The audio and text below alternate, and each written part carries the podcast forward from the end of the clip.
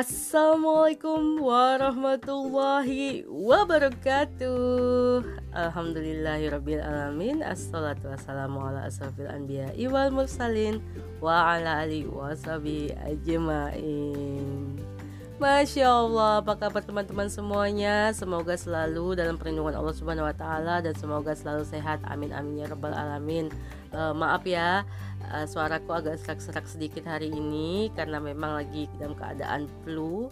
Um, tapi tetap bagus kan? Iya insya Allah. Masya Allah. Oke okay, baiklah hari ini bertemu lagi bersama aku Mumu Rahadi. Seperti biasa dalam acara ngehits. Ngehitsnya koma sesi 2 edisi 18 Senin 10 Mei 2021 Well teman-teman aku membawa sebuah tema yang menarik banget Jadi aku harap kalian serius ngedengerin ini Cie. Ya apa temanya? Yaitu adalah overdosis pluralisme Jadi teman-teman Kenapa bahas overdosis pluralisme? Karena memang pluralisme ini udah merajalela banget nih teman-teman. Jadi beberapa waktu lalu sempat viral seorang yang ditokohkan sebagai ahli agama yang menyematkan gelar Gus gitu pada dirinya walaupun ya dia itu bukan anak seorang kiai melakukan ceramah di sebuah peresmian gereja gitu. Namun kemudian dia membantah bahwa itu bukan ceramah, itu cuma orasi dan dia diundang langsung ke acara tersebut. Hmm, ya harus dipahami ya teman-teman di sini itu mereka sebut sebagai bentuk toleransi gitu kan lalu pernah juga kalau kalian dengar deh salam-salam sekarang ini pasti nggak cuma wali, assalamualaikum gitu kan yang diucapkan oleh kepala negara, menteri-menteri, bahkan merambah ke industri-industri sekolah dan perkantoran itu disebutkan sebagai salam semua agama. Pernah dengar kan teman-teman? Jadi salam itu lengkap banget. Ada salam Hindu, salam Buddha, kemudian salam umat Kristen dan sebagainya kayak gitu selain salamnya Islam gitu kan jadi katanya dilakukan sebagai bentuk keadilan sebab di Indonesia itu memiliki banyak suku dan agama. Jadi nggak hanya Muslim aja. Jadi seharusnya nggak cuma salamnya nggak cuma assalamualaikum doang. Well, hal-hal seperti ini nih teman-teman yang digaung-gaungkan sebagai bentuk toleransi tinggi. Cuma sepertinya toleransi kayak gini tuh menguap deh kalau udah pada masalah umat Islam. Ingat nggak dulu kejadian seorang siswi yang dipaksa lepas kerudung, eh, bahkan diancam pindah sekolah kalau dia nggak mau lepas kerudung di salah satu SMA Bali 2014 lalu. Lalu juga sempat viral banget di awal tahun 2021 ketika siswi non muslim pakai kerudung di Padang gitu kan sekolahnya langsung digaung-gaungkan bahwa mereka dipaksa uh, bahwa ada sekolah yang mewajibkan dan sebagainya padahal ternyata enggak dan kegiatan itu maksudnya siswi non muslim berkerudung di Padang itu udah udah lama bang udah dari lama banget gitu. Tapi mereka juga dikasih pilihan dalam arti mereka boleh uh, boleh make boleh enggak. Dan mereka memilih untuk make. Jadi yang e, make kerudung itu rata-rata non non muslimnya itu mereka memilih untuk make agar apa? Katanya agar lebih nyaman aja lebih kelihatan berbaur dengan teman-temannya gitu.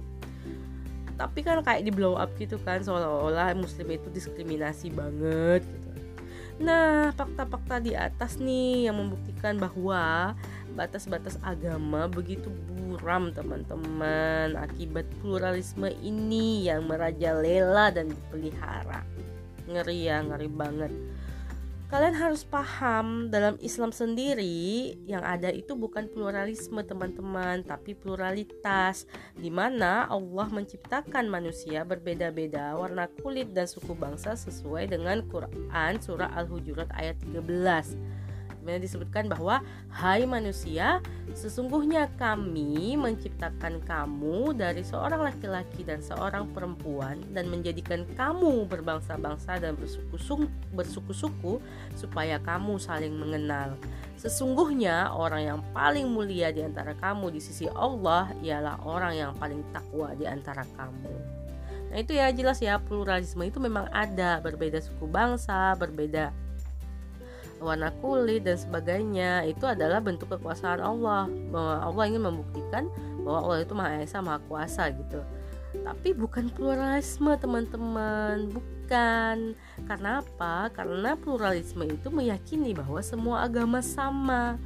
Padahal jelas-jelas Allah telah menyampaikan dalam Quran surah Ali Imran ayat 85 Barang siapa yang mencari agama selain agama Islam maka sekali-kali tidak akan diterima agama itu darinya.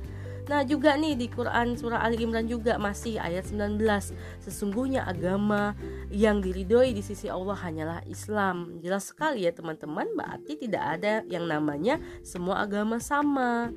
Karena clear banget atau jelas banget tidak mungkin semua agama itu sama. Layaknya kita nggak mungkin bisa lihat ke kiri dan ke kanan dalam waktu yang bersamaan.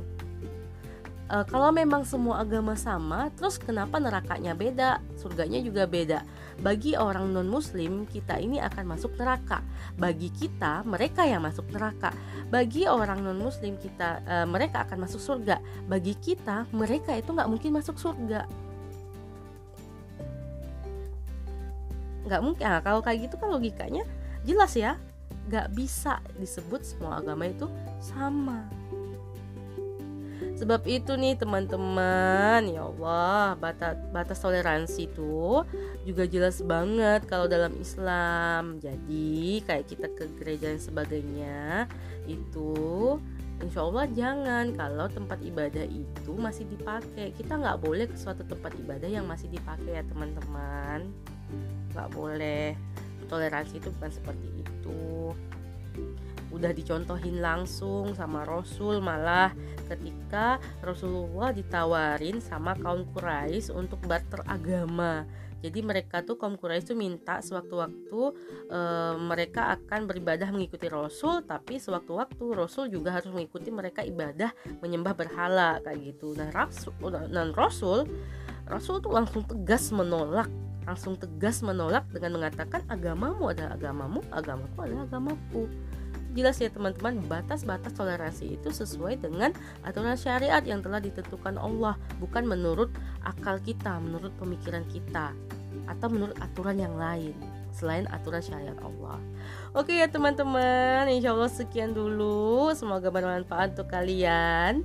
Kita ketemu lagi minggu depan. Bye bye. Assalamualaikum warahmatullahi wabarakatuh.